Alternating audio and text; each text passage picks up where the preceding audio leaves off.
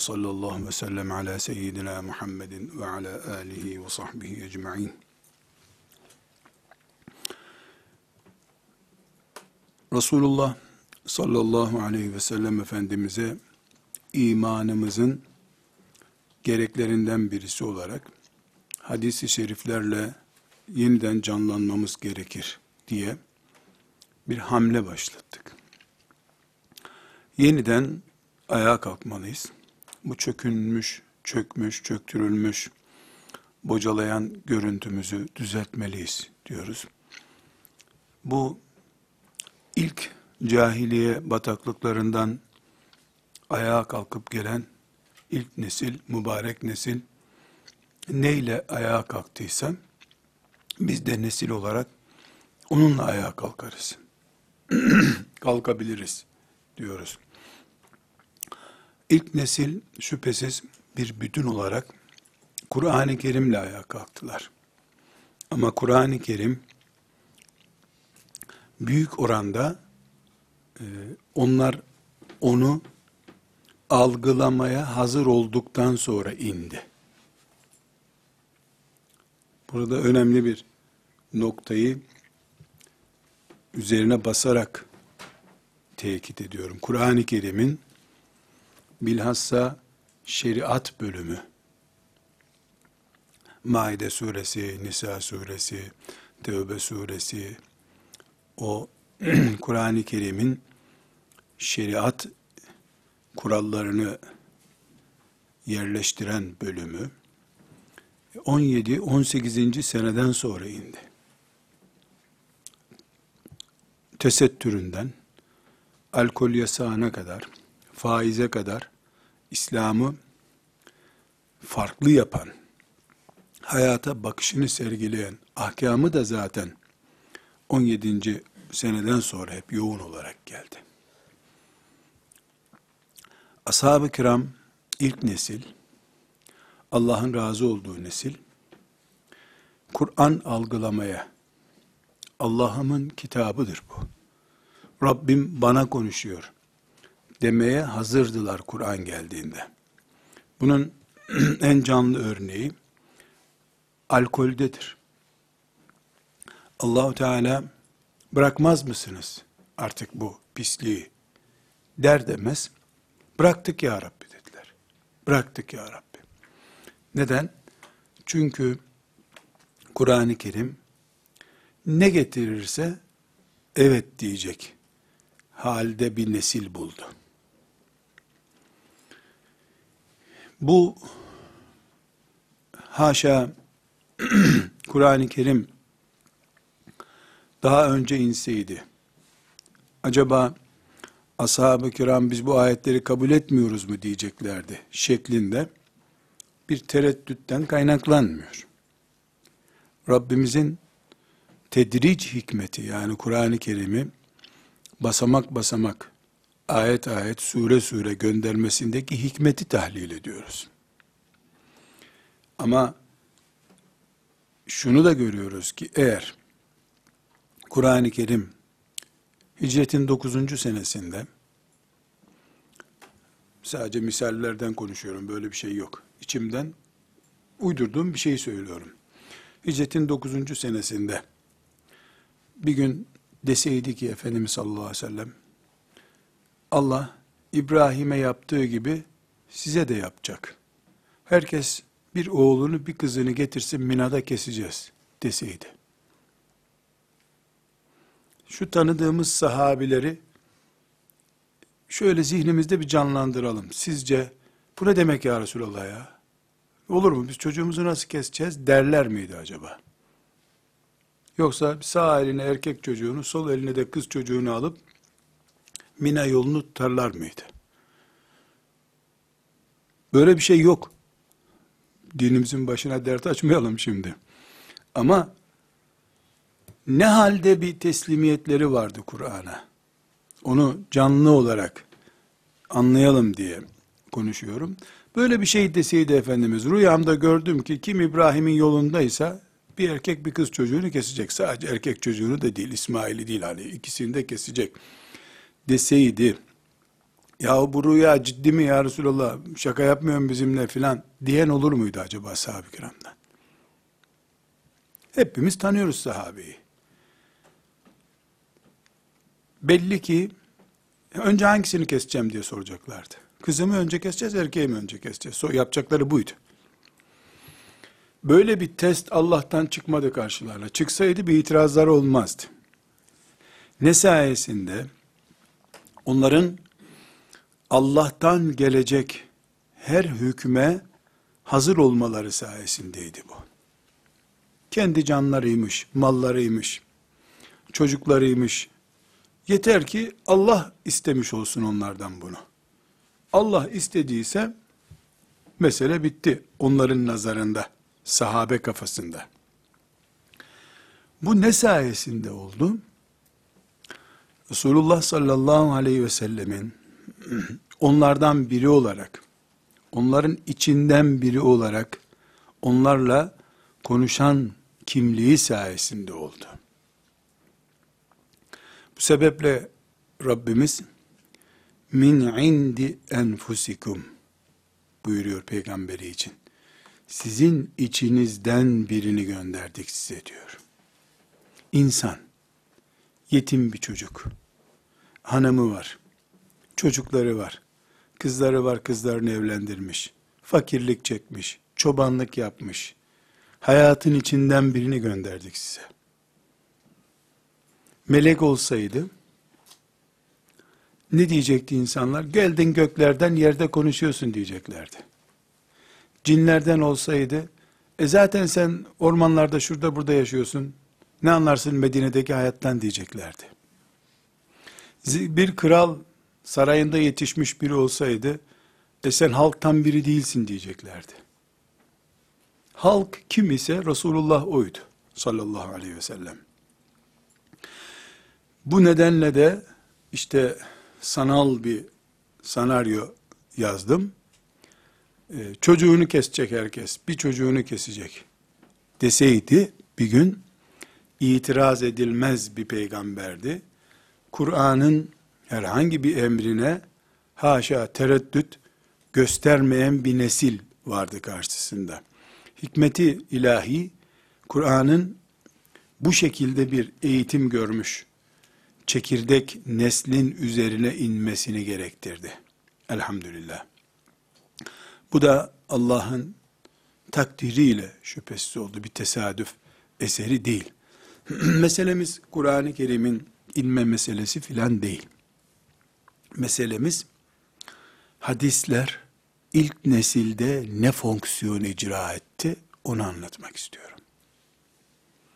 Efendimiz sallallahu aleyhi ve sellemin şöyle yapın, bunu böyle yapın, oraya koyun, bu bu demektir şeklindeki onların içinden min indi enfusikum onların içinden biri olarak yaptığı konuşmalar her bir cümlesi sahabi için bir ayar oldu. Bir frekans ayarı oldu, bir yürüyüş ayarı oldu, dil ayarı oldu, kulak göz ayarı oldu. Her bir hadisi şerif. Bu netice bize eğer çöktüysek, uyuyakaldıysak, gaflet bizi bastıysa, biiznillahü teala hadisi şeriflerle diriliriz biz idraki getiriyor zihnimize. Neden? Sabittir ki hadisi şerifler diriltiyor. Bu diriltme Kur'an-ı Kerim'in yerine geçebilir bir diriltme değil elbette. Asıl olan Kur'an'dır zaten. Ama Kur'an'ı anlayacak düzeyde olmayan biri sinek vızıltısı gibi dinliyor Kur'an'ı. Yoksa haşa, bir milyon hadis, Bakara suresindeki bir kelime etmez. Ayet çünkü biri. Hiçbir şekilde hadisi şerif ayetin yerine oturmuyor. Namazda sammı sure olmayan bir şey, olması caiz olmayan bir şey, ebediyen Kur'an olmaz. Kur'an olmayan bir şey de ne olursa olsun, Kur'an'dan sonra gelir. Ama tıpkı ana gaye namazdır. Fakat abdesti olmayanın namazı olmuyor ya. Bu sefer ne oluyor abdest? Namaz kadar değerli hale geliyor. Aslında namazla abdest hiçbir şekilde aynı değiller. Kıyamet günü kaç abdest kaçırdın diye bir soru olmayacak kimseye. Kaç namaz kaçırdın diye soru olacak. Bir abdestle 20 vakit namaz kılabilir bir insan bozulmadığı sürece. Abdest görevi yoktur. Namazın hazırlayıcı bir unsuru olduğu için abdest değerlidir. Ama ne kadar değerlidir? Abdest olmayınca namaz olmuyor. O zaman namaz kadar değerlidir. Hatta insan abdestsiz olduğunu bildiği halde istihza için inadından abdestsiz namaz kılsa kafir olur. Bu açık bir hükümdür bu. Bu sefer durdu abdest, insanın dini kadar değerli hale geldi. Abdest yüzünden adam dinden çıktı bu sefer. Bundan da anlaşılıyor ki, bir Müslüman olarak biz abdesti herhangi bir şekilde namaz görmüyoruz. Namaz başka, abdest başka diyoruz. Ama diyoruz ki madem abdest namazın anahtarıdır. O anahtar olmadıkça sen namaz kılamayacaksın. Abdeste namaz kadar değer vermen gerekiyor. Biz Kur'an-ı Kerim'e iman ettik. Bu örnekten yola çıkarak şimdi konuşalım. Kur'an bizim kitabımızdır. Kıyamet günü Kur'an'dan hesaba çekileceğiz. Ama tıpkı abdestin namazın anahtarı olduğu gibi Peygamber sallallahu aleyhi ve sellem Efendimizin hadisi şerifleri, Ebu Hureyre dedi ki sözleri, Enes İbni Malik dedi ki sözleri, abdestin namaza kapı olduğu gibi, Kur'an-ı Kerim'e kapıdır. Aksi takdirde, yüz defa Kur'an-ı Kerim'i hatmeder, hiçbir şey de anlamadan devam edersin. Abdestsiz namazın namaz olmadığı gibi, hadis-i şerifler olmadan Kur'an'la haşir neşir olmakta bir anlam ifade etmeyebiliyor. Bunun örneği Resulullah sallallahu aleyhi ve sellemin ashab-ı kiramla yaptığı eğitim mücadelesindedir. Ashab-ı kiram, Kur'an-ı Kerim ayetlerinin az az indiği, eski ümmetlerin hikayelerinin daha fazla anlatıldığı, ahiret hayatına müteallik ayetlerin anlatıldığı, 10-15 yıla yakın bir zamandan sonra şeriat ayetleri indi. Ve ashab-ı kiram yüzde yüz onları sağdan sola taşıyacak, önden arkaya döndürecek bir eğitim olduğu halde şeriat ayetlerine 10 saniye tereddüt etmediler. Hatta eski derslerde bir örnek vermiştik. Kıbleteyn Mescidi ile ilgili. Namazın birinci rekatını kuzeye doğru kıldılar, ikinci rekatını güneye doğru kıldılar. Yani değil, ya şu namazı bir kılalım. Nasıl dönecektik? Sağdan mı dönecektik, soldan mı dönecektik? Sağ topuk üstünde mi, sol topuk üstünde mi askeriye gibi bir soruşturma bile yok. Namazın içinde döndüler. Bu ne sayesinde oldu? Güçlü bir altyapı sayesinde oldu. O altyapıya iman, teslimiyet, ısınma diyebiliriz. Bunu da hadisi şerifler temin etti. İşte bu sebeple diyoruz ki hadisi şeriflerle diriliş, Kur'an'ı bağrına basmak, Kur'an'a dalıp Allah'ın huzuruna çıkıncaya kadar yürüyebilmek için şarttır diyoruz. Yoksa haşa hadis-i şerifler Kur'an'dır diyemeyiz, denemez. Kur'an değildir ama Kur'an'a geçiş yolları hep hadis-i şeriflerden geçmektedir deriz diyoruz. İnşallah da böyle demeye devam edeceğiz Allah'ın izniyle. Bugün gençlerin hadisi şerifle bağlantısı üzerinde ders yapacağız. Böyle bir ön söz yapma ihtiyacı hissettim. Yani Peygamber sallallahu aleyhi ve sellemin ashabını yetiştirmede hadisi şeriflerin icra ettiği e, görev neydi sorusuna cevap vererek bir giriş yaptım. Gençlerle bağlantısını nereden kuruyorum bunun? Bugün gençliğin önemi üzerine e, her devlet töreninde de konuşma yapılıyor zaten. Üç aşağı beş yukarı bütün halkı Müslüman olan ülkelerde gençlik bakanlığı da vardır. Gençler önemsizdir diyen biri yok. Yarınımız gençlerdir. İşte topraklarımız gençlere emanet edilecek diye şiirler, ağıtlar yakılır. Ama gençlerin ümmeti Muhammed'in geleceği olacak gençlerin neyle hazırlanacağı, nasıl yetiştirileceği üzerine bu ümmetin köklerinden gelen bir eğitim programımız söz konusu değildir. Gençleri dert ediniyor dertliler diyeyim. Sonra da İsviçre'de, Danimarka'da yapılmış filan gençlikle ilgili psikolojik bir doktora tezinin üzerinden benim mümin gencimi yetiştirmeye çalışıyorlar.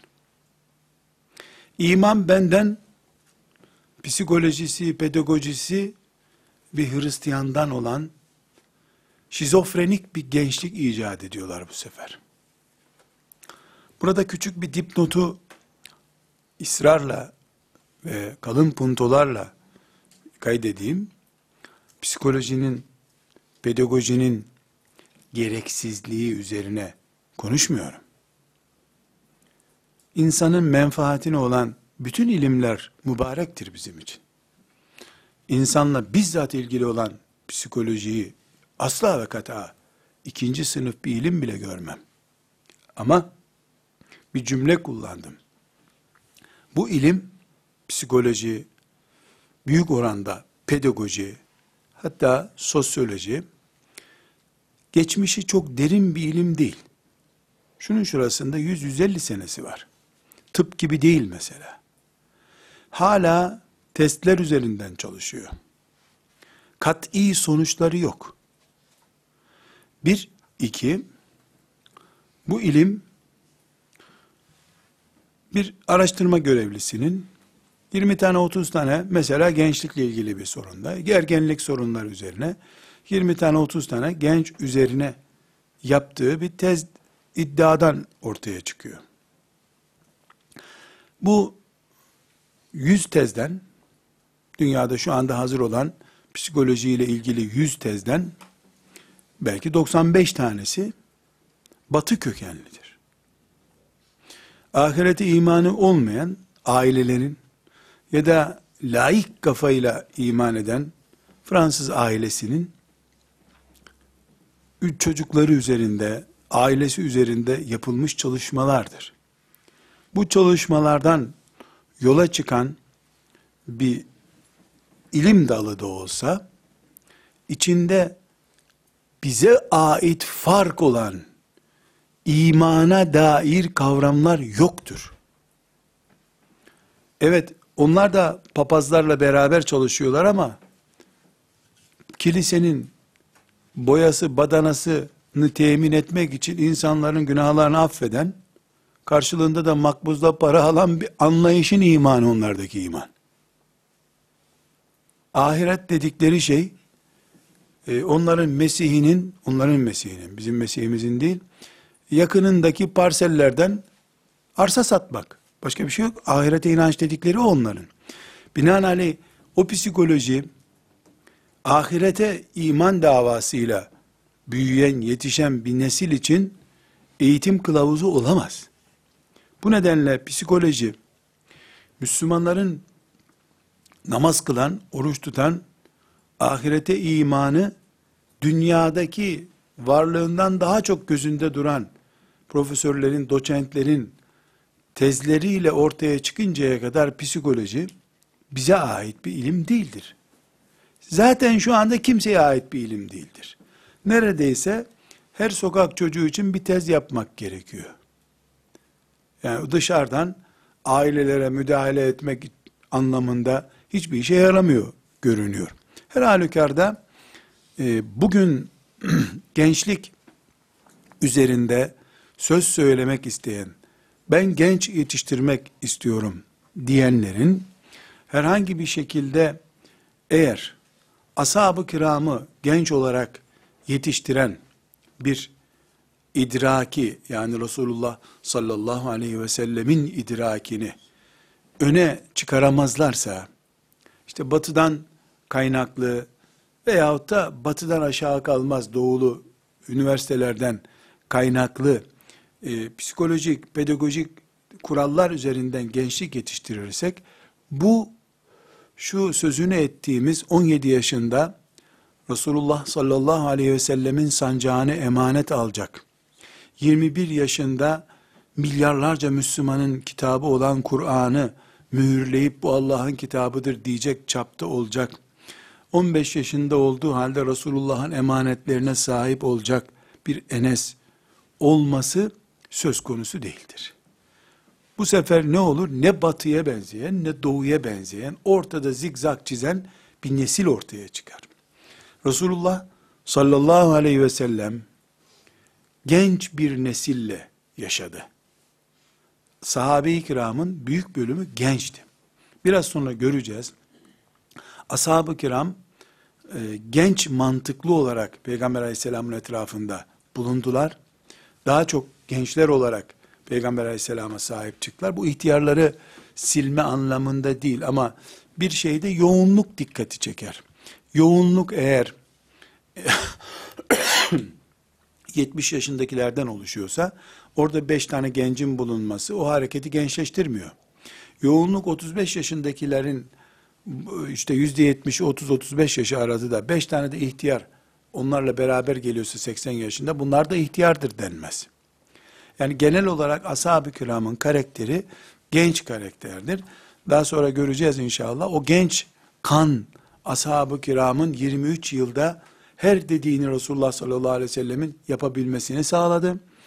İnen ayetleri sanki 20 senedir onu bekliyormuş gibi karşılama nedeni de bu gençliktir zaten. İnatlaşmamış. Böyle bir nefrete, kine dönüşmemiş e, kafa sahibi olmak diye de yorumlayabiliriz bunu. Her halükarda hadisi şerifler dedik ki Resulullah sallallahu aleyhi ve sellemin Rabbimin kitabı Kur'an dedirtecek ruhu hazırlamıştır. İki, Resulullah sallallahu aleyhi ve sellemin etrafında genç bir nesil vardı. Bu, bu yüzden de işini kolay yaptı. Üç, bugün ümmeti Muhammed bir genç nesil sevdasındadır. Her mahallede neredeyse gençlerle ilgilenen bir dernek vardır. Her hoca efendi, her mütefekkir muhakkak gençlerden bir grup kurmaya çalışmaktadır. Ama kendi kitabını okutarak onları yetiştirmek istiyordur. İşe Riyazu Salihinden başlayan, etrafına aldığı 10 tane üniversite gencinden iki sene üzerine Buhari Şerif'in yarısına kadar gelmiş bir nesil yok. Hatta öyle bir duruma gelmiş bulunuyoruz ki, Riyazu Salihini bile ben de mesela aynısını yaptım. Yani gençleri ürkütmeyecek şekilde özetleyelim dedik. Hepsini okumayalım ağır kaçmasın. Peygamber sallallahu aleyhi ve sellem onlarla 21 yaşında Kur'an'ı emanet alacak, 17 yaşında orduları teslim alacak, 15 yaşında peygamberin evinde 7 emin olarak bulunacak nesil yetiştirdi. Bizse özetleyelim ağır gelir diyoruz. 20 sahabinin yaptığı düğün masrafı bir gence yapılıyor şimdi. Onda bir sıkıntı yok. Belki ashab-ı kiramın 20 tanesi şimdiki bir gencin düğün masrafıyla evlenir, çocuklarını da evlendirirlerdi herhalde. Düğüne, arabaya, dünyevi metaha geldi mi gençler her şeyi hak ediyorlar. Cennette de zaten şefaatçimiz hepsi elhamdülillah. Ama Peygamber aleyhisselamın eğitim malzemelerine gelince ağır kaçıyor. Bu bir çelişki. İnşallah bu bugünkü dersimizin konusu olarak zikrediyorum. Bunu bugüne kadar yapanların tersine ele alalım diyoruz. Biz hadisi şeriflerle diriliş yapacaksak, ki ancak o bizi diriltebilir, yoksa Kur'an'ı cenaze kitabı olmaktan kurtaramayacağız. Çünkü Kur'an'ı algılayacak altyapıyı hadisler sağlaması lazım. Hadisler sağlanmadığı sürece, hadisler bunu sağlamadığı sürece, biz boş yoruluruz. Bugün gençlik eğer bir umutsa, yarın ümmeti Muhammed bugünün gençleri tarafından temsil edilecekse, bugünden onların Kur'an kitabımdır, başka bir kitabım olamaz benim. Kur'an ne dediyse odur tek doğru. Kur'an kimse tarafından kendi çıkarları için kullanılamaz diyecek bir nesil yetiştireceksek, bu ruhu verecek mantığı gençlere vermemiz lazım. Bunu da hadisi şerifler verecek. Ya da ya da Nurettin Yıldız'ın dersine gelecek gençler. Nurettin Yıldız onlara şirin şirin sözler söyleyecek. Onlar Nurettin Yıldız'ın hayranı olacaklar. Kur'an'ı bile olmasa olur. Yeter ki Nurattin Hoca bizimle olsun diyecekler. Esasen bir şirk uygulaması Allah'ın rızasını kazanmak için icra edilmiş olacak. Evet aleni bir şirk yok ortada. Ama Allah'ın dışında Kur'an kadar değerli sözleri olan birisi varsa bunu açtığın zaman şöyle kalın bir gözlükle falan bakınca altında şirk yazdığı görülür. Yüzeysel baktığında İslam'a hizmettir bu. Dindar, takva, gençlik yetiştirmedir bu. Ama kağıdı şöyle ışığa koyup ışıkta baktığında o zaman bakarsın ki bu bir şirktir ve şeytan provasıdır. Şeytan prova yapıyordur. Alenen putlara, lat, uzzaya tapın demiyordur. Burada bir örnek zikretmek istiyorum kardeşler. Şimdi meselemiz iyi anlaşılsın diye zikrediyorum. Dostlarımın, kardeşlerimin evine gidiyorum. Pek çok ziyaret yapıyorum. Peygamberimin sünnetidir sallallahu aleyhi ve sellem diye. Evimize gelir misin ya Resulullah dendiğinde ne zaman geleyim demiştir. Kiminle geleyim diye sormuştur. Şu kadar kimseyle gel dendiğinde teşrif etmiştir evini. Öyle kıymete binaen değil de yani sünnettir mecburen gidiyorum. Şimdi eve gidiyorum. Bakıyorum ki 7-8 yaşlarında bir çocuk böyle tir tir titriyor. Babası buyurun hoş geldin diyor. O böyle hazır ol vaziyetinde bekliyor. Suçlu gibi ya da ya bu çocuk ne oldu diye merak ediyorsun. Tamam oğlum hoca dede geldi işte diyorlar. Çocuk geliyor böyle 10 senedir benim önümde diz çöken bir talebe gibi hürmet ediyor filan. Altyapıyı hazırlamışlar. Çocuk beni videolardan izlemiş. İşte Nurattin Hoca böyle dedi, böyleydi diye. Çocuk beni o evde her gün yaşıyor gibi tanıyor. Altyapısı var. Başka bir eve gidiyorsun. Tesadüfen bir sebeple gidiyorsun. Çocuk sen var mısın yok musun takmıyor. Hatta amca oradan kalk orada benim oyuncaklarım var diyor. Senin oturduğu yerden kaldırıyor. Tamam kalkıyorsun. Ev sahibi yapma oğlum ne yapıyorsun? Nurattin Hoca bu filan. Devam hiç dinlemiyor bile. Orada iki dakikada evimize Nurattin Hoca geldi eğitimi yapamıyorsun sen. Kalk amca oradan benim oyuncaklarım, arabalarım orada görmedin mi diyor. Başıma gelmiş bir şey. Arabalarım orada diyor. Efendimiz sallallahu aleyhi ve sellem la teşbih ve la temsil. Haşa biz yani yerde bir çakıl parçası ile güneşi kıyas edecek halimiz yok ama bunu yaptı Efendimiz sallallahu aleyhi ve sellem. Yani ashab-ı kiram radar gibi ayet bekler oldular. Kulaklarını, gönüllerini, gözlerini ona hazırladı. Hadis-i şerif bu demektir.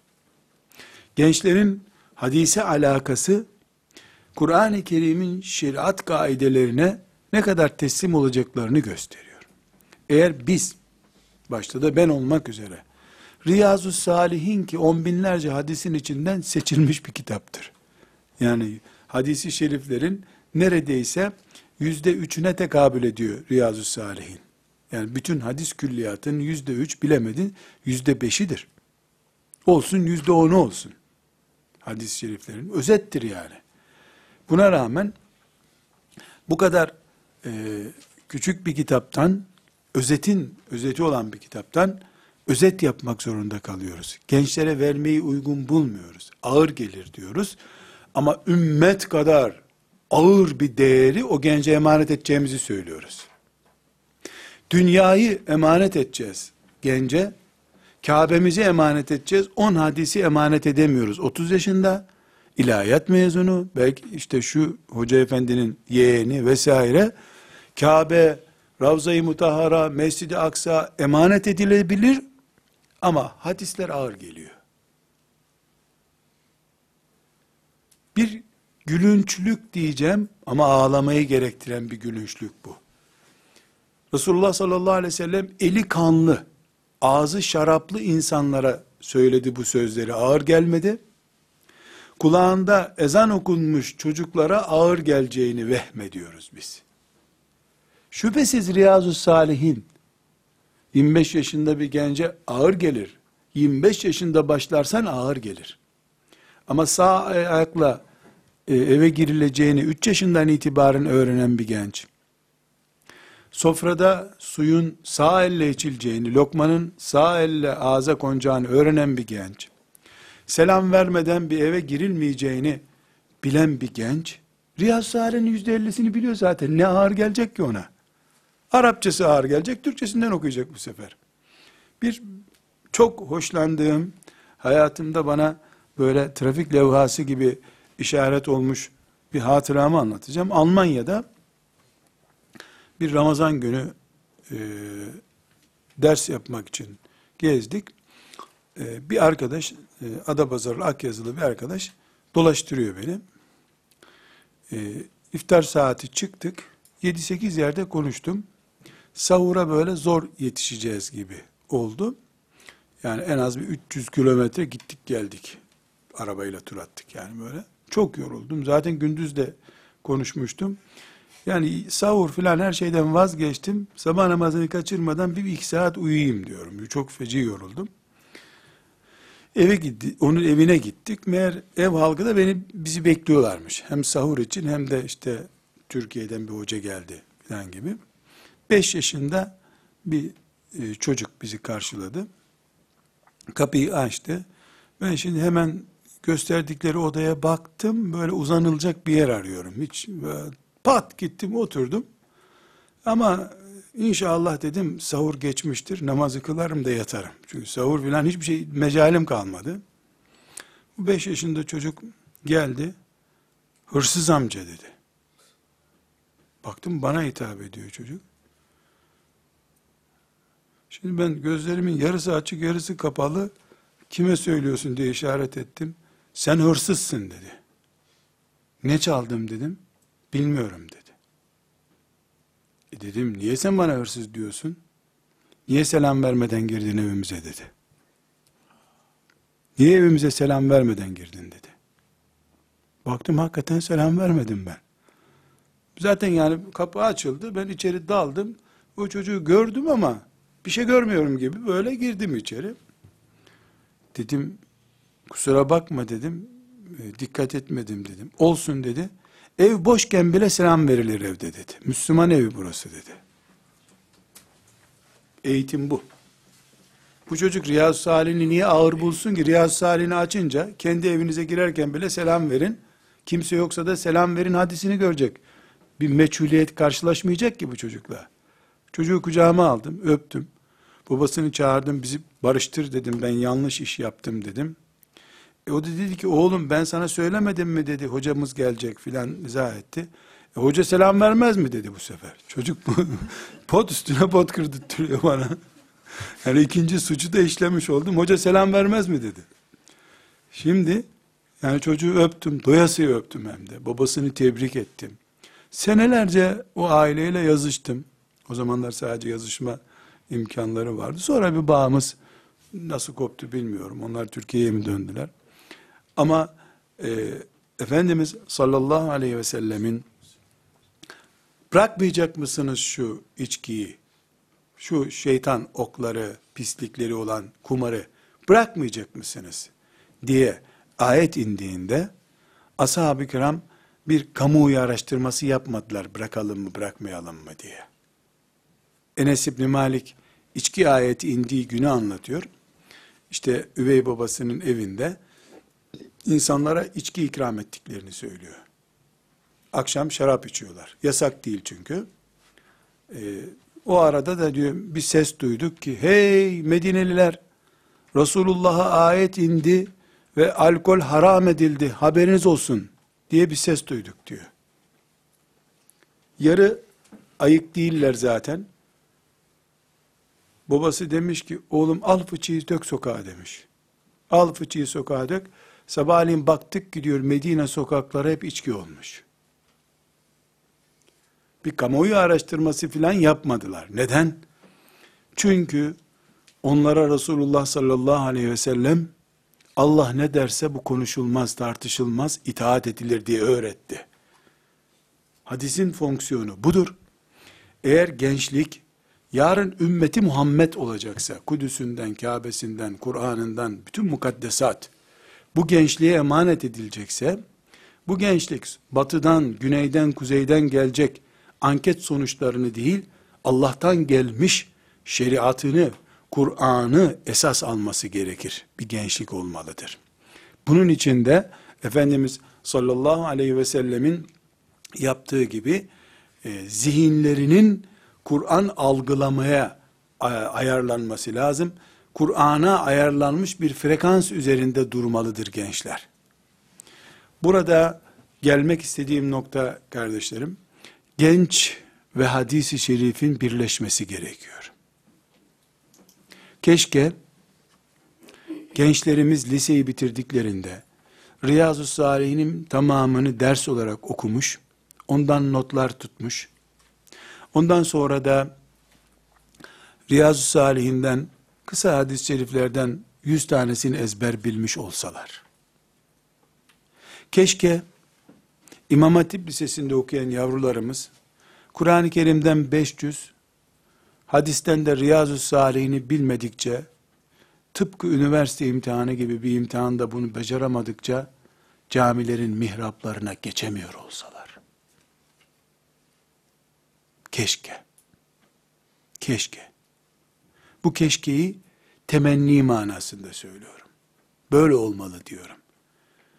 Bir Riyazu Salihini şöyle üç oturumda okuyamayan, o hadislerin sahibinin makamında durmamalı, utanmalıdır bundan. Utanmalıdır. Bu artık laik bir devlette çok şey istiyorsun sen. Ya biz abdestli imam bulduk sen ne karıştırıyorsun şeklinde bir itiraz da çıkabilir karşıma. Ben zaten keşke diye bir temenni kelimesi kullandım. Yani ki olsa diye söylüyorum işte. Olsun, olmalıdır diye bir iddiam yok. Ama uygun olan budur. Böyle bir imamın arkasında namaz, Kabe'deki heyecanı verir Allah'ın izniyle.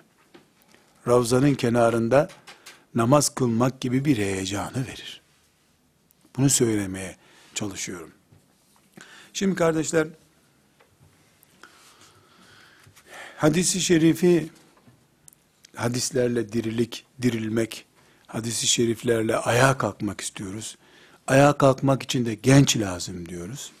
Hadisi şerifleri e, kast ederek diriliş kaynağımızdır inşallah böyle olacaktır diyoruz. Burada e, bizden önceki mübarek nesillerden örnekler zikredeceğim.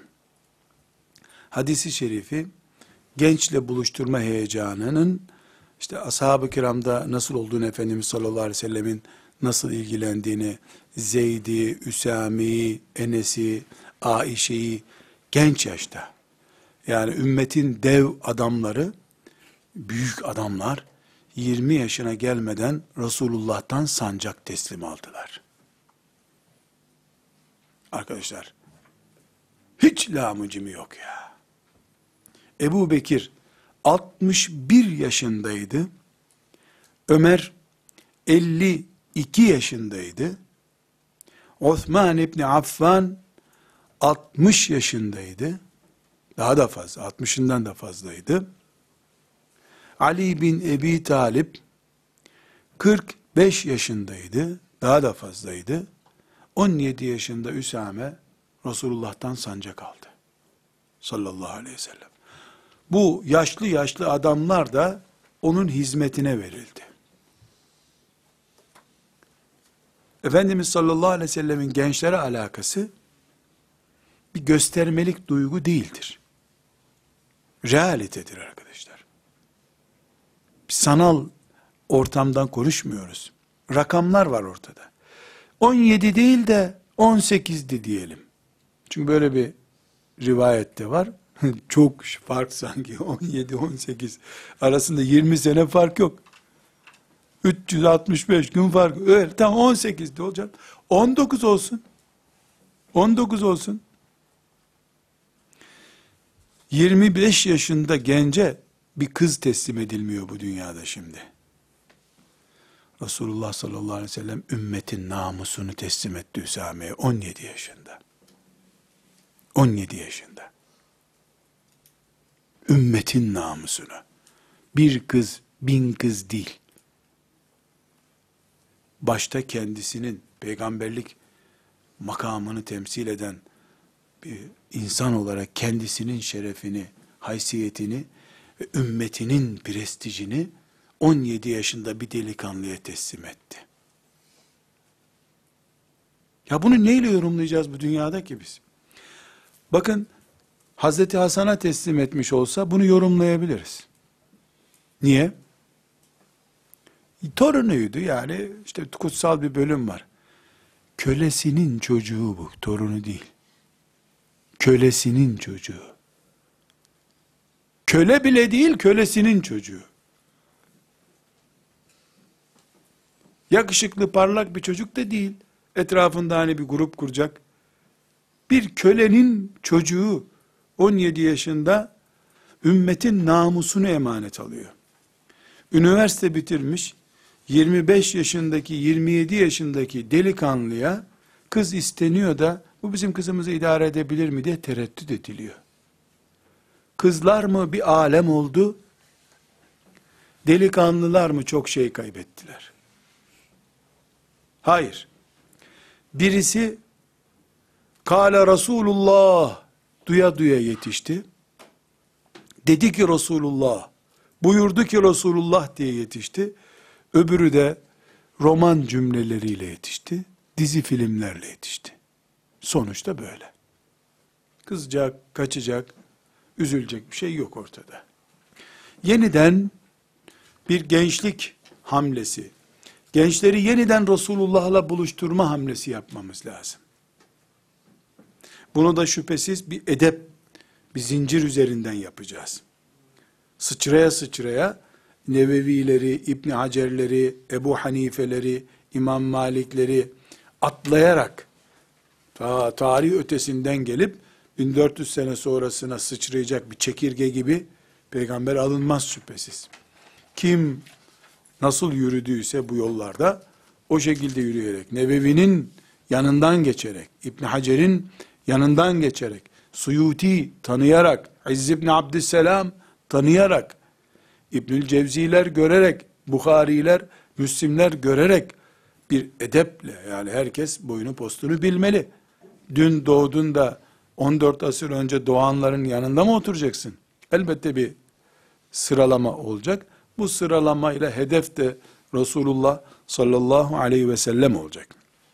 Burada bir küçük e, mülahaza açmamızda fayda var. Genç kimdir? Kimi genç diyoruz? Ki onun üzerinden işte Resulullah sallallahu aleyhi ve sellem gençlere yatırım, yatırım yaptı diyoruz. Ee, ondan sonra işte biz de gençlere yatırım yapalım. Yarınki ümmet onlardır diyoruz. Kardeşler genç çocukla yaşlı arasındaki orta sınıftır. Çocuk 15 yaşına kadar rakamlarla konuşalım.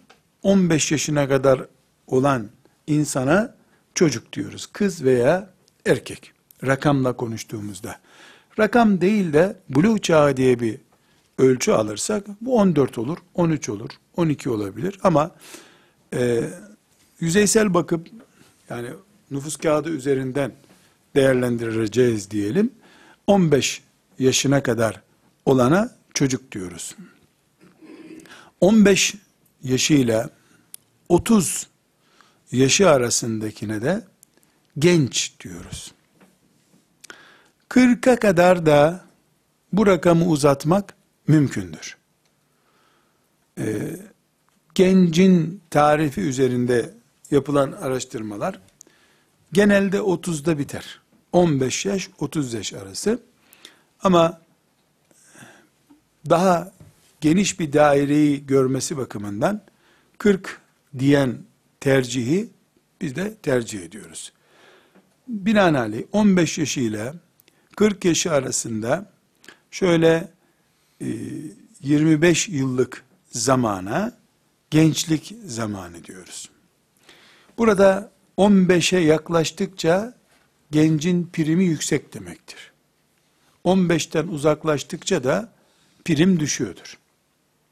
Biraz sonra göreceğiz hadis-i şerifler ve ashab-ı kiramın e, daha sonraki selef ulemamızın e, gençler üzerindeki kritiklerini değerlendirirken göreceğiz. E, genç yani çocuk değil, torun sahibi insan da değil.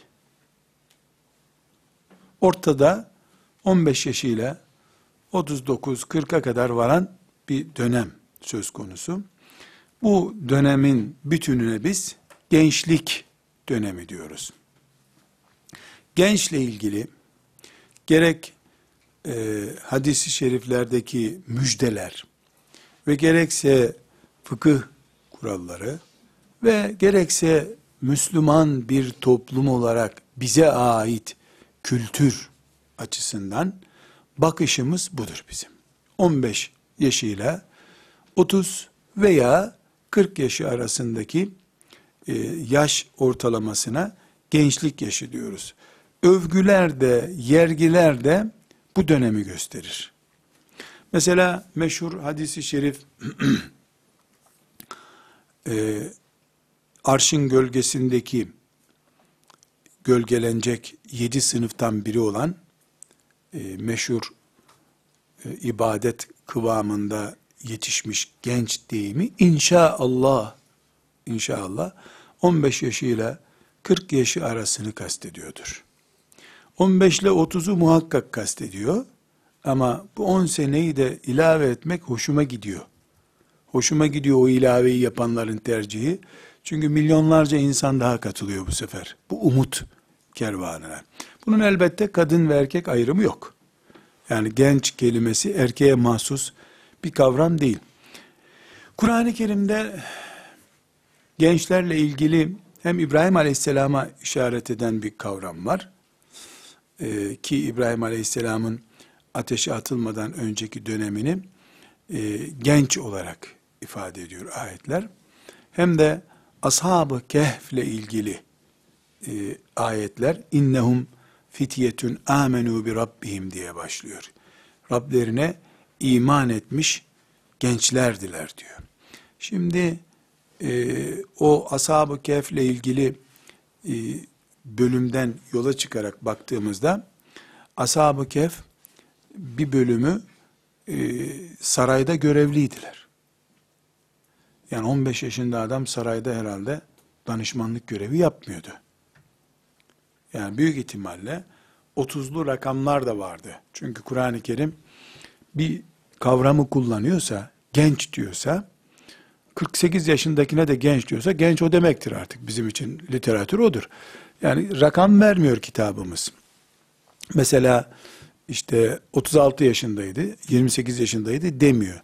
Genel bir kültür kullanıyor ki Allah'ın rahmetidir bu. Yoksa 28 e, yaşında deseydi 27'de 29'da girmeyecekti bütün bu rahmet müjdelerine. Ashab-ı kiramı değerlendirdiğimizde e, aşire-i mübeşşere mesela büyük oranda çoğunluğu gençlerden oluşuyor. Efendimiz sallallahu aleyhi ve sellemin biraz sonra göreceğiz. Bedir'e Bedir mücahitleri dediğimiz hani e, neredeyse isimleri böyle Efendimizin isminin yanında anılacak kadar e, değerli olan insanların çok büyük bölümü gençti ve e, Bedir'i zafer haline getirip meleklerle omuz omuza dövüşen de gençlerdi. Sonra değineceğiz onun şey bu Davud'dan hadis-i şerif nakledeceğiz. Her halükarda kardeşler genç bir ümmetiz. Elhamdülillah. Kafirler tarafından ürkütücü bulunmamızın nedeni de genç nesil oluşumuzdur. Bir ulusun, bir ümmetin genç olması, dünyada daha uzun ömürlü olması, nüfusu ithal etme ihtiyacı olmaması demektir. Hindistan'da bir şey dikkatimi çekmişti. Ee, bizi misafir eden Nedvi rahmetullahi aleyhin yardımcılarından birine dedim ki, e, nüfus oranınız çok düşük dedim. Yani yüzde onlu bir rakam, yüzde on beş, yüzde on altı görünüyorsunuz Hindistan'da. İslam devletinden de söz ediyorsunuz. Dünyada artık demokrasi insanların kafasına yerleşti. Çoğunluk diye bir kavram var. Ee, siz neyle e, ölçüyorsunuz bunu? Yani kaç yıl sonra nasıl bir plan yapıyorsunuz? Para yok. Nüfus yok. Burada durur musun dedi. E, ne olacak dedim. Bak dedi. Şu sokakta dedi, yürüyenlere bak dedi. 50'nin üstündekiler Hindulardır hep dedi. 20'nin altındakiler de bizim neslimizdir dedi. Bizde 7, 8, 9, 10 çocuk normal kabul ediliyor bir anneden dedi. Onlar da ikinci çocuğu da devletten yardım alarak doğurmayı kabul ediyorlar dedi. Sadece sokak anketi yaparsam biz yine 50 sene sonra burada İslam'ız dedi. Bu hesap çok hoş bir şey. Yani nüfusun gençliği, genç nüfus hangi ibreyi gösteriyorsa gelecek onun demektir. Bugün Avrupa'nın önemli bir sıkıntısı genç kuşağı olmayışıdır. Doğurmayı yük olarak gören bir kadın dünyası var batıda, Avrupa'da. Dolayısıyla gelecekleri yok. Şu anda silahları var, tankları var, füzeleri var. Tankın üstüne koyacak genci yok. Afrika'dan ithal asker alıyor Avrupa. Afrikalıyı asker olarak kullanmak zorunda kalıyor. Eskiden amele alıyordu, artık asker de almak zorunda. Nüfusu yok. Türkiye'den, Yugoslavya'dan, şu Suriye'den devşirdiği nesillerle ulus olmaya çalışıyor. Senin karşında da yüzde yüz kendi soyundan gelmiş dedeleri, neneleri aynı olan bir nesil karşında durdu mu sen ulus olarak onunla ayakta duramazsın. Karşı karşıya gelemezsin. Bu sebeple ümmeti Muhammed'in tarih boyunca ve inşallah bugün ve biiznillahi teala yarın dünyada ayakta kalabilmesinin nedeni genç kuşaktan oluşmasıdır. Moğollar binlerce değil, on binlerce değil, yüz binlerce insanı bir ay içinde öldürdükleri halde büyük bir zarar verdiler ama nesil kurutamadılar. Kalan bebeklerle bile bugünkü ümmet çıktı ortaya elhamdülillah. Bu hesabı bu mantıkla yaptığımızda bugün bir gencin Riyazu Salihin okuması elhamdülillah 25 yaşındayım da üçüncü defadır evimizde, mahallemizin mescidinde Riyazu Salihin hatmine katıldım demesi. Evine gelen birisinin selam vermemesi yüzünden hırsız olup olmayacağından şüphelenmesi, bu ümmetin açan bir gülü gibidir. Allah'ın izniyle. Bu bir umuttur. Öyle meydanlarda, salonlarda, konferanslarda Müslüman gençlik, mücahit gençlik, ey kutsal gençlik diye bağırmakla olmuyor bu işler. Kuru kuruya yetişmiş bir genç nesil vardır. Bir de Resulullah sallallahu aleyhi ve sellemin aşısıyla aşılanmış bir nesil vardır. Ve Bir hakikati arkadaşlar kesinlikle e, unutmamamız gereken ölçü olarak lütfen kabul ediniz. Burada bu genç nesilden söz ederken bir iznillahi teala hayalden konuşmuyorum. Hayal değil bu.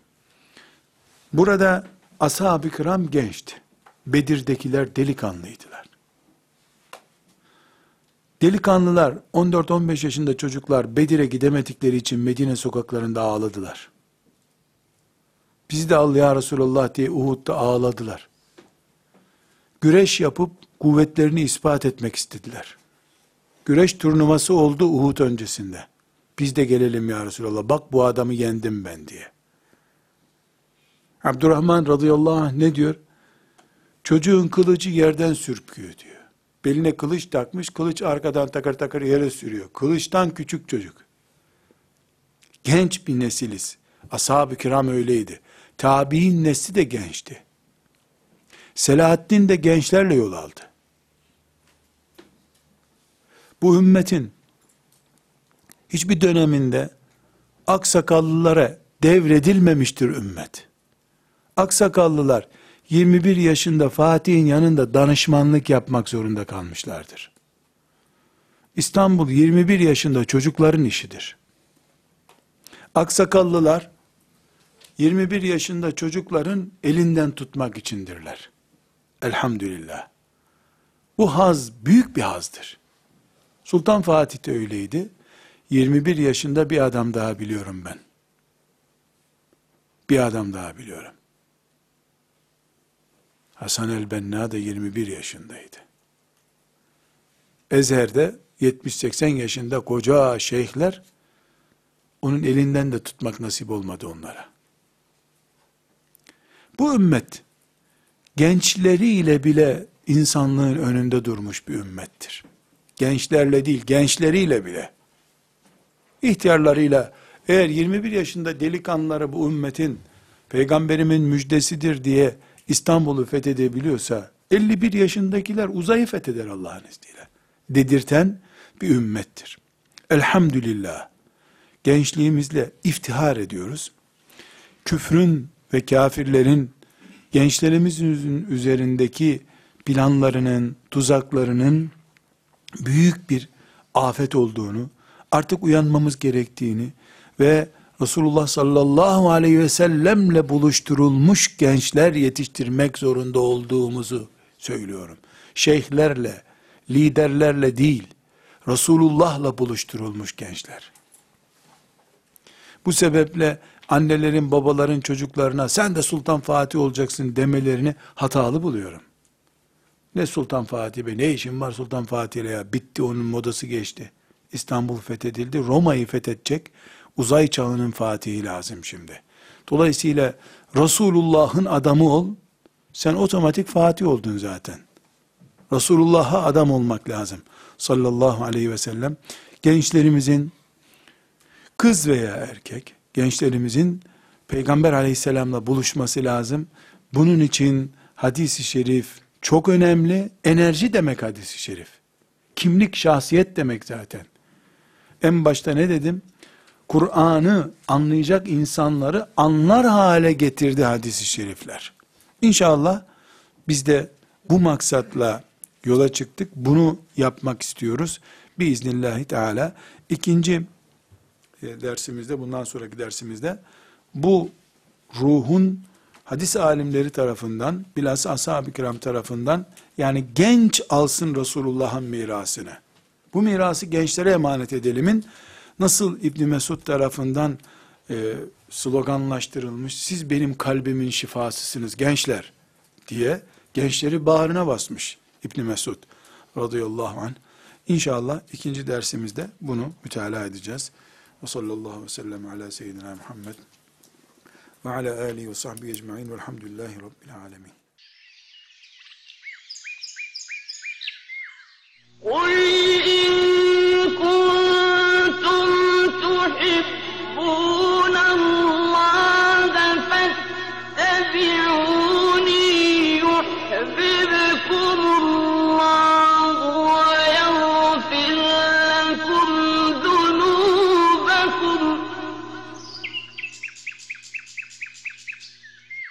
والله غفور